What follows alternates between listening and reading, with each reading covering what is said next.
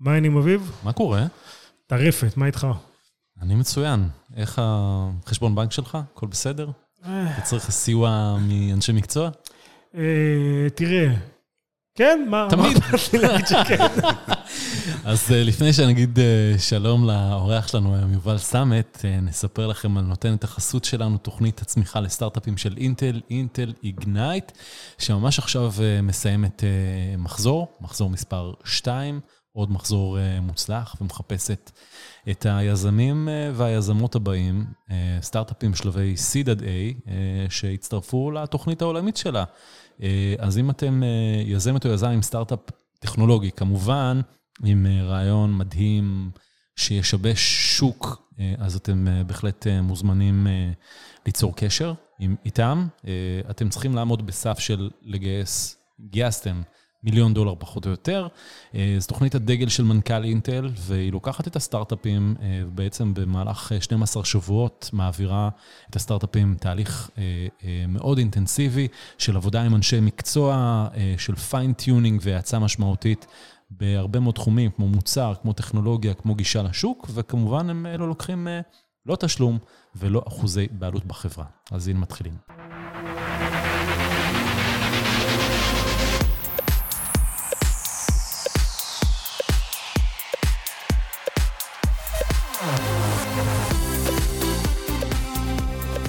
יובל? חם, אה, חם ומגניב. חם ומגניב. חם בחוץ. בפעם הקודמת שניסינו לתאם את זה, אמרו לי שהיית בארצות הברית. היית בארצות הברית? הייתי, לא, זה הרגיש כמו ארה"ב, הייתי בערבה. אה, אוקיי. חזרתי מהערבה להרצאה לנגדים בבסיס נבטים, ואז חזרה לערבה. וואלה. אז זה היה כמעט כמו טיסה לניו יורק. יובל אה, מ RiseUp. נכון, מה זה RiseUp? RiseUp. אז אה, RiseUp זה סטארט-אפ עם משימה חברתית גדולה, לעזור לישראלים וישראליות לצמוח כלכלית. אנחנו מתחברים לחשבונות הבנק וכרטיסי אשראי, ובעצם בונים תזרים אוטומטי מותאם אישית. זה אומר שאנחנו אומרים לאנשים כמה כסף עומד להיכנס, כמה כסף עומד לצאת, ומתי לעצור ולקבל החלטה. והכל בוואטסאפ, ככה שזה הופך את כל ההתנהלות הכלכלית של האנשים למספר אחד פשוט בוואטסאפ. כל החיים שלנו היום נמצאים בוואטסאפ, ואנחנו חושבים שאם נכניס גם את ההתנהלות הכלכלית לשם, יהיה הרבה יותר קל לאנשים לצמוח. בעצם, איך הגעת לזה? אז um, אני הייתי ה-Chief Product Officer וה-CTO של חברה שנקראת קלרנה, שמתעסקת בעצם במתן אשראי, באי-קומרס, במסחר אלקטרוני. Uh, עשיתי את זה במשך שש שנים, ולמדתי איך מוסדות פיננסיים יכולים לעשות מאוד טוב ופחות טוב ללקוחות. מכרתם את החברה. אז אנחנו מכרנו חברה שהקמנו, אחי גדול ואני, שהתעסקה בניהול סיכונים ומניעת הונאה. אה, בתשלומים. מכרתם? מכרנו אה, בקאש, לא, לא הרבה, אבל לקחנו כמה אחוזים יפים בקלרנה. אה, מכרתם את החברה שלכם לקלרנה. אז מכרנו ב-2010 את החברה שאחי ואני הקמנו לקלרנה, אה, ובעצם אה, חווינו צמיחה מאוד גדולה איתה. אני הקמתי שם את מחלקת המוצר, אחי טיפל שם בכל ענייני אה, ניהול הסיכונים, והחברה צמחה מלהיות אה, שחקן נישתי בצפון אירופה, שעושה מה שעושים במכולת, קניות בהקפה, דוד תרשום לי אם את תשלם אחר כן. כך. אה, פשוט עושים את זה ב scale מאוד מאוד מאוד גדול, 100 מיליון לקוחות, יותר מ-100 אלף עסקים בעולם. אה, השקנו את החברה ב-25 שווקים, ההכנסות צמחו בצורה משמעותית, אה, ובסוף 2015 החלטנו לחזור לישראל. איפה הייתם? היינו בסטוקהולם, חברה וואלה. שוודית, ה headquarters וואו. בסטוקהולם, כן. איך החיים בסטוקהולם? הרבה יותר קרים מכאן. קרים או יקרים? כן, כן. זה גם, לא יקרים, אפשר לומר, אבל זה מאוד מעניין שאתה מוצא את עצמך מאוד מאוד ממוקד במשפחה, יש שם אה, נורמות חברתיות שדורשות ממך להיות איש משפחה, אה, וגם נותנות את הפנאי לזה, זה ממש נורמה חברתית מקובלת, אז אה, זה היה מאוד טוב מבחינה משפחתית. מבחינת טכנולוגיה, סטוקהולם היא מקום אה, די מדהים מבחינת הרבה מאוד חברות אה, מאוד משמעותיות. כן, היא- עיר על מפת הסטארט-אפים העולמית אה, די משמעותית. אז די מדהים שיש שם הרבה שחקנים משמעותיים, כמו קלרנה, ספוטיפיי, Mojang, שבנו את Minecraft, Mm, אה, כן, MySQL ועוד רבים וטובים, אבל סצנת הסטארט-אפים שם די מבאסת. למה? בדיוק אה, אחי הגדול, אה, הוא גר בסטוקהולם, נשוי לשוודית, והוא מבקר כאן בארץ, ודיברנו על ההבדל בין הסצנה הישראלית לסצנה השוודית. בישראל אנחנו מאוד דומים ל Valley, החלוקת אה, מידע, הפתיחות. אתה רוצה ללמוד על ביטוח, אתה מרים טלפון לדניאל שרייבר, והוא זורם לגמרי להסביר לך מה שאתה רוצה מנכ"ל. Lemonade. מנכ"ל Lemonade, או לשי. או לאבישי בוויקס. למונייד משהו שלו. Lemonade maker. וזה לא קורה בהרבה מקומות אחרים בעולם. מאוד מאוד קשה לעשות סטארט-אפים שאתה לבוש בחליפה עם חפתים. וזה דבר שקורה הרבה בסטוקהולם. אז בעצם early stage זה לא סצנה מאוד מאוד טובה, אבל עדיין השוודים סופר מוכשרים בעיצוב, בטכנולוגיה, ב business. אז פשוט יוצאות משם הרבה חברות מאוד מאוד טובות. אבל סצנת הסטארט-אפים לא מרשימה כמו בישראל או ב Valley. מעניין. ומאיפה גדלת, איפה נולדת? אז גדלנו בפתח תקווה, נולדנו בפתח תקווה, ליד השוק, downtown, represent. ציונה וגוזל, היית אוכל שם וכאלה? או, ציונה וגוזל, אתה שולף את ה... אתה שולף את הכלים הכבדים. אז אנחנו משפחה ישראלית בינונית מינוס מבחינה כלכלית, אבל גבוה בשפע התודעתי בזכות ההורים שלי. מה זה אומר? אבא שלי דור שני לשואה, נלחם ביום כיפור, מלחמת ההתשה, הלום קרב. אימא שלי חמישית למשפחה שהגיעה ממצרים. ולא היה הרבה כסף בבית בכלל, אבל ההורים שלי במסירות נפש טיפחו אותנו, גידלו אותנו. כמה ילדים? אנחנו שלושה בנים, אני האמצעי, בדירה קטנה ליד השוק בפתח תקווה, והם השקיעו כל מה שלא היה להם בנו. באמצע שנות ה-80 קנו לנו מחשב, זה היה ממש לא נפוץ, כי אבא שלי ראה מחשב בתעשייה הצבאית, איפה שהוא עבד. איזה מחשב? זה היה XT כזה... אה, מסך ירוק או כבר CGA? לא, לא, מסך ירוק, אני זוכר את היום שבו ה-CGA הגיע הביתה ושיחקנו Star Control. איזה... אני זוכר את הכוכבים בעיניים, החיבוקים בין האחים, לא האמנו שזה קורה לנו. אבל זה ממש סלל לנו את הדרך. שלושתנו יזמים טכנולוגיים, מתעסקים בשירותים פיננסיים, כבר כמה חברות שעשינו, וכנראה שזה ממש חוט השני, מהבית שגדלנו בו, וההורים שממש השקיעו בדברים האלה מאוד. וזה גם מתחבר בצורה מאוד ישירה למה שאנחנו עושים היום ב RiseUp. אני צמחתי עם DNA של נתינה ו-DNA ש... מאמין שעבודה במסירות נפש, עבודה קשה, אין גבולות להצלחה שלה, ואם אתה עובד קשה ומתמקד בפוקוס במשהו מסוים, אז תצליח להשיג אותו. אבל RiseUp זה סטארט-אפ חברתי, נכון? אז בואו נגדיר אולי מה זה סטארט-אפ חברתי. אנחנו סטארט-אפ אגרסיבי שגייס כסף משמעותי ממשקיעים שהם בשורה הראשונה, מייקל אייזנברג, סר רונלד כהן, ג'ף שוורץ ואחרים. אנחנו רוצים לייצר חברה גדולה ומשמעותית שתבנה רווח גדול ותשרת משימה חברתית. שירות המשימה החברתית לעזור לישראלים וישראליות לצמוח, זה מה שייצר את הרווח, ומה שייצר את הרווח זה מה שיעזור לאנשים לצמוח. לישראלים, כי אני מכיר סטארט-אפים, אוקיי? יש לי גם אחד כזה, ואם אתה בא למשקיעים או למישהו ואומר, אני עושה סטארט-אפ עבור לקוחות ישראלים, טורקים לך את הדלת. אז השוק הפיננסי בישראל הוא ממתין הרבה שנים כבר לדיסרפשן משמעותי, דיברת קודם על אקסלרטור ושיבושים ועניינים כאלה. לא הייתה חדשנות בשוק הישראלי בפיננסים עשרות רבות של שנים, או אף פעם, אפשר לומר, ואין מוטיבציה להתחדש ואין מוטיבציה לייצר תחרות. החוויה שלי בקלרנה, בשוק השוודי ושווקים קטנים אחרים, זה שאפשר לייצר הצלחה פיננסית מאוד מאוד גדולה בשוק קטן, לייצר דומיננטיות בתחום מסוים, כמו e-commerce בשוודיה, ואני מאמין שאפשר לעשות משהו דומה בשוק של ה... אפשר לקרוא לזה הבנקאות הקמעונאית בישראל. לא כבנק, אלא כשירות שמתלבש על הבנק, בנוסף לבנק, בנוסף לחברת הביטוח, ואולי אני אפרט על זה קצת תכף. אז המשקיעים שלנו וכל הצוות שלנו מן הסתם מאמינים שאפשר לעשות כאן משהו גדול, גם מבחינה ערכית, משימתית וגם מבחינה פיננסית. ערכית וזה, אני מסכים איתך, אבל כמה גדול זה יכול להיות בארץ? תשמע, קלרנה עושה היום 400 מיליון דולר רבניו בשוק השוודי בלבד. אוקיי. עכשיו, השאלה היא איזה שירותים אתה נותן. סתם, שני בעניינים, גם מה הגודל של שוודיה? אותו דבר, כמו ישראל, ה-GDP, אפילו קצת פחות, ה-GDP דומה, ממש דומה מבחינת דינמיקת שוק, וכנראה בגלל שהגעתי גם עם הניסיון מקלרנה, זה דבר שמשקיעים bought into, ראו את הניסיון שלי ואמרו, טוב, הבן אדם עשה הצלחה במקום מסוים, כנראה אפשר לשחזר את זה שוב. שמסתכלים על שוק החיסכון בישראל, יש 1.1 טריליון שקל בעובר ושב בפקדונות של הציבור. שלא נוגעים בו. לא נוגעים בו ולא עובר לשום מוצר שבאמת עוזר להם לצמוח כלכלית. הם מייצרים 0.01 אחוז ריבית אפקטיבית שנתית. שזה לא עושים כלום. לא עושים כלום, ברור, וזה די מצחיק. אז נגיד בנק דיסקונט מאוד מתקדם, עושים דברים יפים, עכשיו השיקו מוצר חיסכון אוטומטי, שעושה אופטימיזציה בעובר ושב, אבל בתכל'ס שם את הכסף בפיקדון ב-0.01% לשנה. מה, פק"מים כזה של הבנק? כן, פק"ם של הבנק, אז לא באמת, אין באמת access היום למשפחה במעמד הבינוני, למוצרים שטובים עבור הצמיחה שלה. כי בסופו של דבר, כשחושבים על צמיחה כלכלית, העניין הוא די פשוט, זה אפילו לא חשבון. אתה רוצה לוודא שההוצאות הקבועות שלך, החשבונות, הסופר, ההוצאות על הרכב, הם אה, לא יותר מ-50% מההכנסה הנטו שלך. וברגע שעשית את זה, אתה רוצה לוודא שיש לך שישה חודשי הוצאה בחיסכון ליום גשום. Mm-hmm. כמו בקורונה, פתאום mm-hmm. טייסים נגיד שהרוויחו הרבה כסף, הופכים להיות חדלי פירעון בן לילה, אין להם כסף כמעט לאכול, כי הם חיו ברמת חיים מאוד גבוהה. אז אחרי שיש לך שישה חודשי חיסכון, אתה רוצה להשקיע במוצרים שיצרו לך שישה אחוז שנתי. קופת גמל להשקעה, או אה, אה, פוליסת ביטוח להשקעה.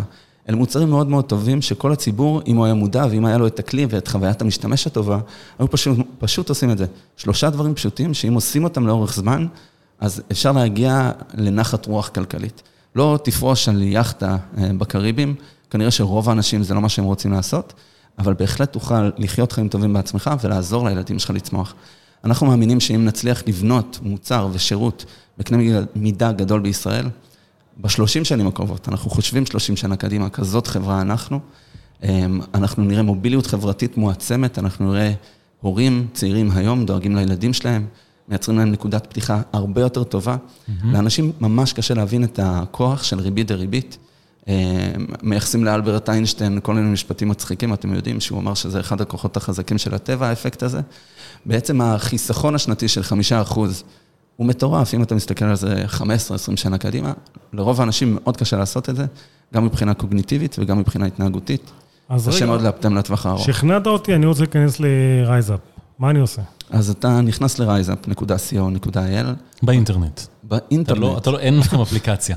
לא, אז אנחנו, שהקמנו את החברה, הלכנו עם האמונה אה, ב super-apps, מה שנקרא. Mm-hmm. כמו שיש את WeChat בסין, אנחנו האמנו ש Messenger ו WhatsApp ואולי גם Telegram יהפכו להיות האפליקציה שדרכה צורכים כל מיני שירותים שונים. Yeah.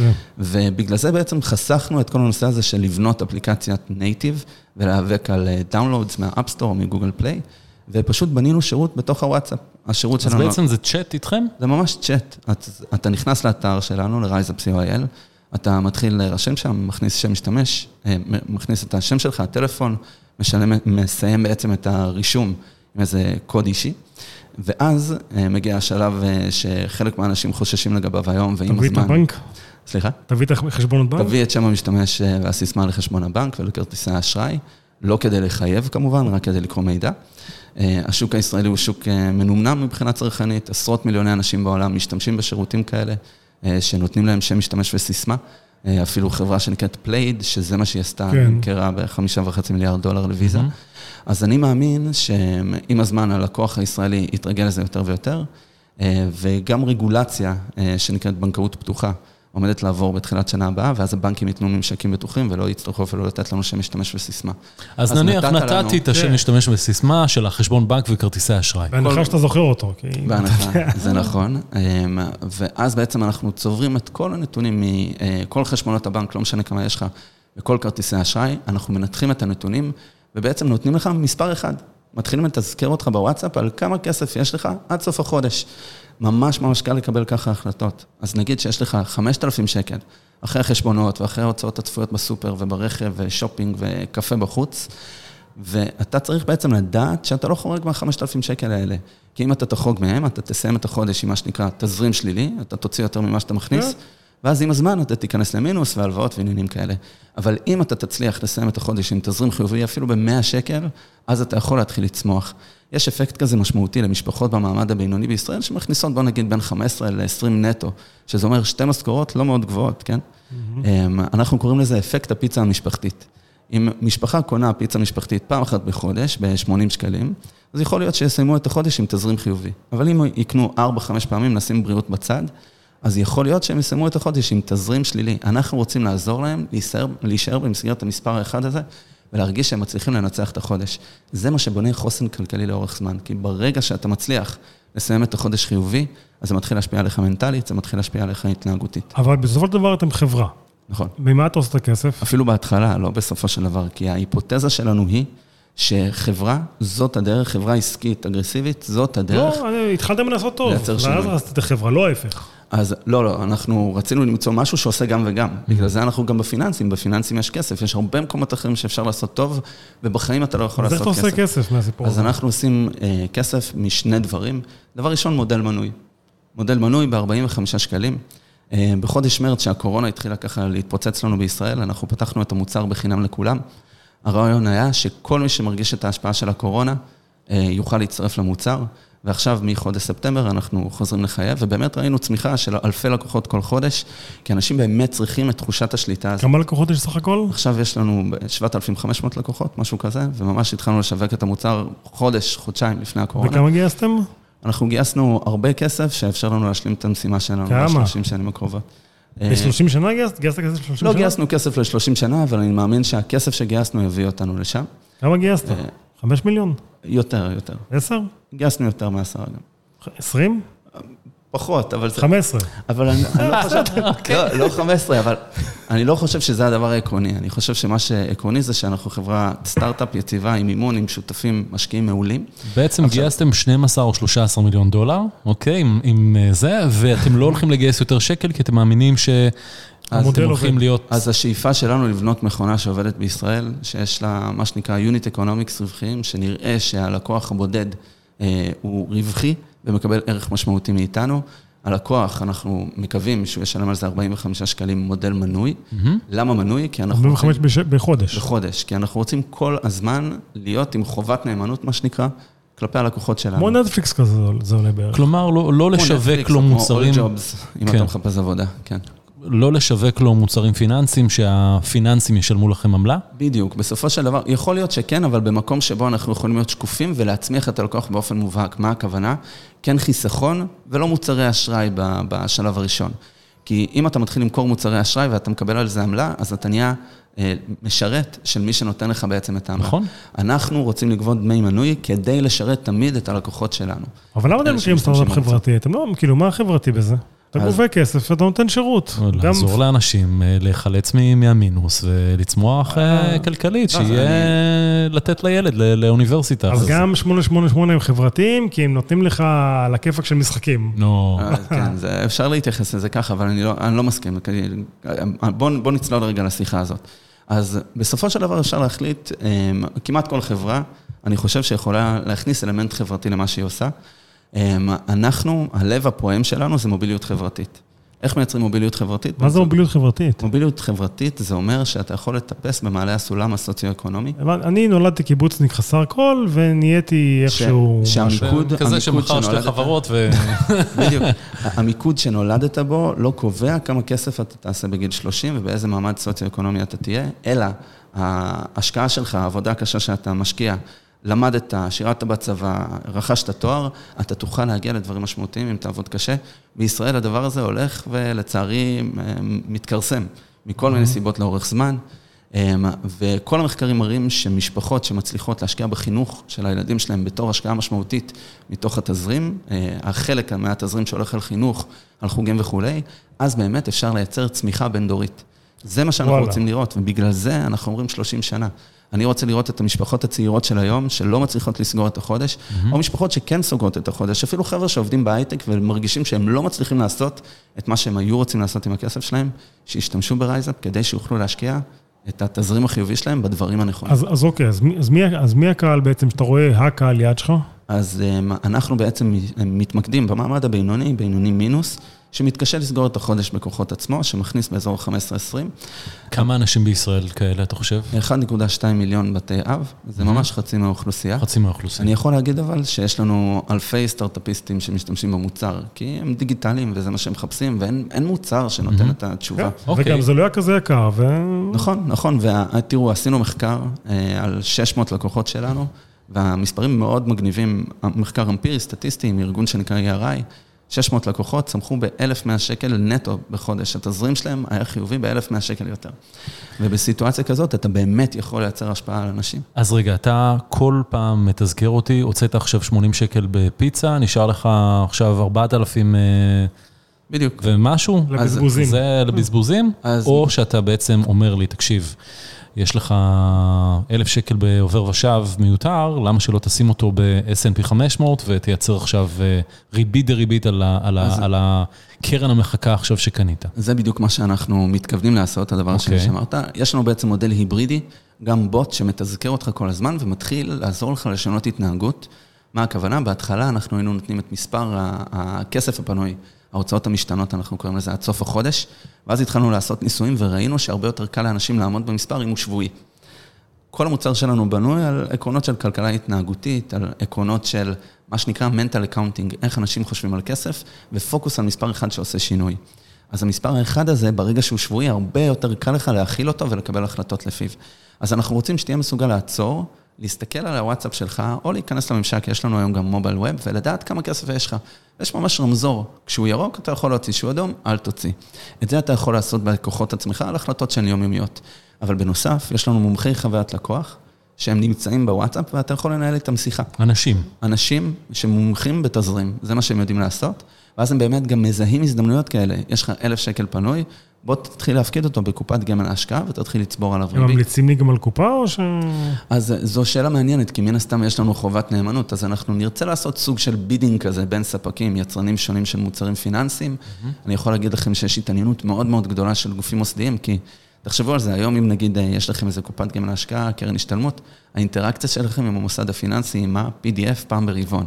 ושאתה לא יכול לקרוא אותו, הוא מסובך וזה, מי קורא את כן, זה? לך, אין לך סיכוי. אז אנחנו בעצם, בגלל שמודל הפעילות שלנו ממש יומיומי, אז עומדים להיות לנו הרבה שיתופי פעולה עם גופים פיננסיים שכבר פנו אלינו ברבים מהם, כדי להציע מוצרים שונים. אנחנו נעשה סוג של bidding. אתה רוצה ל- לנהל סוג של אה, אה, מכרז עם אה, ארבעה, חמישה שחקנים שונים, כדי לדעת שאתה נותן את מה, ההצעה הכי אופטימלית. שדמי הניהול יהיו הכי נמוכים? שדמי הניהול יהיו הכי נמוכים, שאתה יכול לתת קיקבק, בעצם אה, אה, עמלה חזרה ללקוח, עד שהוא מגיע לרמת הכנסה, רמת חיסכון מסוימת. מהמם. אז יש המון דברים שאפשר לעשות, כל עוד אתה משרת את, הנ... את חובת הנאמנות ללקוחות, ולא למוסד הפיננסי שאתה... כן, ברור. כי אז יאשימו אותך כמו אה, החברות האלה שעושים השוואות של ביטוח, כן. שאתה משרת את החברת ביטוח ולא את המשתמש. בדיוק, וכשאתה עושה השוואת מחירים, אתה לא יודע בתור לקוח שמשווה את המחיר, שבעצם מי שיוצא בתוצאה הראשונה הוא מי שנותן את ה kickback, את העמלה הכי אתה- גבוהה. כן, ו- מי שמשלם לזה. אז אנחנו מתכוונים לייצר אה, ממש אה, סוג של gateway, אני אפילו לא יודע איך אומרים את זה בעברית. שער כניסה? שער כניסה למוצרים פיננסיים, שפשוט יעשה סוג של מכרז, סוג של bidding בין מוצרים שונים, ובאמת נוכל כל הזמן לתת ללקוחות אבל יובל, אתה יודע, זה לא. זה לא רעיון חדש, הרעיון הזה קיים בעולם כבר אה, זמן מסוים. אתם לא מפחדים שיום אחד יבוא מישהו גדול מאמריקה ויגיד לכם, קישטה, אז אני לא מסכים שהרעיון הזה קיים. כאילו... באמת? אם, אם אתה, אם נתחיל לדבר על כל מיני רעיונות שונים כמו מינט, מינט אף פעם לא עשו, כל מה שהם עשו זה רפרלס, והם נותנים לך שיקוף של החשבון שלך. המוצר שלנו הוא מוצר פרו-אקטיבי, הוא מוצר שמשנה התנהגות של אנשים. אני משתמש באיזשהו מוצר פיננסי, אה, חברה אמריקאית, והוא ממליץ לי כל הזמן מה לעשות עם הכסף. אולי הוא ממליץ, אז זה תלוי מה אתה עושה, אתה אה, אולי אה, wealth font, אתה מדבר ממש על השקעות באופן ספציפי? כן. מה אז אני, מה, אני- רובין הוד? פשוט. לא, אינטראקטיב ברוקר. אוקיי, כאילו, רובין הוד לא עובד בארץ. אמ, נכון. הוא, והוא לא מנהל לך את התזרים, הוא בעצם אומר לך מה לעשות. לא מנהל תזרים, אבל אני איש פשוט, אין תזרים. בחייך. אז אה, חשוב להבין שרוב האנשים, הכוח העיקרי, הכלכלי שיש להם בחיים, זה התזרים שלהם. וואלה. בטח, תחשוב על זה. כסף מהכנסה, מ- אה, כאילו, הכנסה משכר, משכורת. משכורת. זה מה שיש לך חיים. בחיים. עליו הם חיים, ועליו הם צריכים לעשות אופטימיזציה. לא צריך להתחיל לדבר על, אה, אה, אתה יודע, תעודה מחכה מדד S&P 500. מהמם. צריך לדבר על דברים הרבה יותר פשוטים, כמו קופת גמל להשקעה או מוצרים אחרים שקיימים בשווקים אחרים. אין מוצרים שעושים את זה. יש כל מיני מוצרים שהם אה, עושים ראונדאפים וכל מיני כאלה, אבל ממש מוצר שמנהל תזרים בצורה פרואקטיבית, זה דבר שלא קיים, אה, והוא מאוד קשה לעשות, אני חייב לומר. למה זה כזה מסובך? הדאטה, יש לו פרגמנטציה מאוד משמעותית, קשה לעשות, אה, להביא הרבה מקורות מידע שונים ולהפוך אותם לפרוטוקול אחיד שעושה היגיון לאנשים. עם מי הקמת את החברה אותי? אני הקמתי את החברה עם שלושה שותפים. אה, חנן רובין היה איתי בצבא, אה, פוליטיקאי בירושלים הוא היה, אחד ממקימי תנועת התעוררות.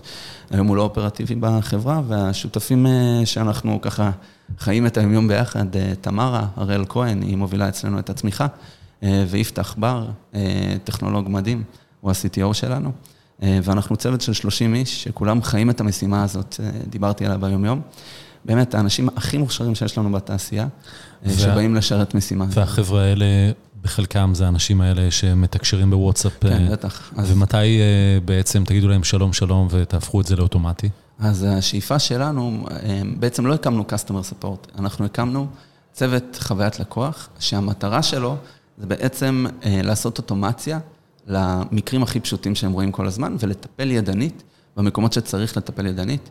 קיבלנו השראה מחברת סטיץ' פיקס, שאני מתאר לעצמי שאתם מכירים. חברת לא, אופנה, ששולחת לך קופסה כל חודש עם, עם דברים חדשים ש, אה, שיש אה, בעצם סטייליסט או סטייליסטית שמתאימים לך באופן נכון. אישי לפי כל מיני אה, אז יש בעצם. אלגוריתם סופר מתוחכם שמייצר את הקופסה באיזה סוג של מערכת סטודיו פנימית, ואז יש 5,000 סטייליסטים שעובדים ב Stitch Fix, שבעצם גורמים לפרסונליזציה, לתחושה. אה, שהקופסה ממש אה, הותאמה אליו באופן אישי. זה באמת או שזה כאילו קשקוש חברה אמיתית. שיווקי? לא, זה לא, לא חברה אמיתית, אבל. אתה יודע, כאילו, אני יכול להגיד לשלוח עכשיו, פה אני אאסוף כמה בגדים, אביב, הבאתי לך קופסה, התאמתי לך. כן, אבל ברגע שאתה מקבל את הקופסאות האלה לאורך זמן, וכל פעם מצליחים להפתיע אותך, ואתה מרגיש, בואנה, זה... כאילו, מכירים את הטעם שלי, מכירים את הטעם שלי. הפתיעו אותי, זה דבר חדש שלא חשבתי שאני אלבש. טוב, אותך ענבות לא כזה, זה כפכפים, טישרט ומכנס קצר. השורש, הנה, השורש החדשים, זה... כן. לא, לא, לכפכפים יוקרתיים. כן, כן. לא, עכשיו אה, טבע נאות, יש להם אה, סוליה חדשה, כולם מופיעים על זה. אז אה, יש מצב שזה ידבר עליך. תודה, אני ישר הולך לבדוק את זה. כדאי, כדאי. אז אז, אוקיי. אז אנחנו קיבלנו מזה השראה ואמרנו, מוצרים פיננסיים, שירותים פיננסיים, צריך שיהיה בהם רכיב אנושי. אנחנו רוצים שהמוצר ירגיש אנושי. אה, מייקל אייזנברג אה, מדבר על אה, ההזדמנות בלייצר דברים שהם humane. לגרום לאנשים לעשות אינטראקציה, אינטראקציה עם דיגיטציה וטכנולוגיה, אבל שירגישו שיש בן אדם בצד השני. ואנחנו עושים את זה בכל מיני דרכים מאוד מעניינות, גם באמצעות צוות המומחי חוויית לקוח שלנו, אבל גם באמצעות הרבה מפגשים וביקורים אצל לקוחות. אני הייתי במערב השומרון בתחילת השבוע, ישבתי עם לקוחה אדירה שלנו, שהיא גם אקטיביסטית מקומית כזאת. אה, שתינו קפה, אה, אכלנו עוגת שמרים שהיא עפתה, ודיברנו על איך אפשר לגרום לרייזאפ להפוך להצלחה ביישוב שלה. אמ, ואני מאמין במודלים כאלה, מודלים שרואים את הבן אדם ומייצרים שירותים דיגיטליים כדי לייצר את השינוי בחיים של אנשים בקנה מידה מאוד גדול. תגיד, אתה בונה חברה ל-30 שנה, אני, ועשית כבר כסף, אז הכל טוב, ויש לך שותפים, אני לא יודע, מהרקע שלהם, הם לא רוצים אה, לפגוש כסף לפני עוד אז 29 יש- שנה? יש המון אמצעים שונים, אני עברתי בית ספר מדהים אה, של עולם הסקונדרי בקלרנה. אה, אתה לא חייב להנפיק או למכור חברה כדי לעזור לאנשים ליהנות מההחזקות שלהם בחברה, ואני מאמין שיהיו הרבה הזדמנויות בדרך.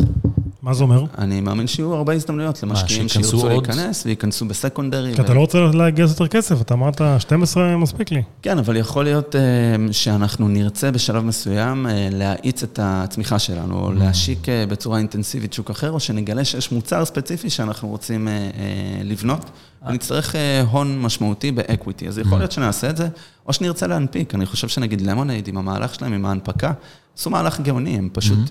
קבעו דגל של רצינות, הם נתנו וניו חדש למשקיעים שרוצים להשקיע באינשורטק להשקיע. אני מאמין שיש אה, פוטנציאל לעשות דברים כאלה אבל גם בניגוד בסיטואציה שלנו. ללמונייד שהשיקו בארצות הברית, אתם משקיעים בשוק מאוד קטן באופן יחסי, מאוד נישתי, בשפה שהיא עברית, אה, ואחרי זה ללכת ו- ולתרגם את זה לחו"ל עם השינויים התרבותיים שיש בכל שוק. הכלים הפיננסיים האחרים שלהם, כאילו, כן, אז העולם פשוט כמה. מסובך זה יהיה. אז אה, cash flow is king בכל העולם. אם אתה רוצה לבנות עסק מצליח או משק בית מצליח, התזרים הוא המפתח, לא משנה איפה אתה נמצא.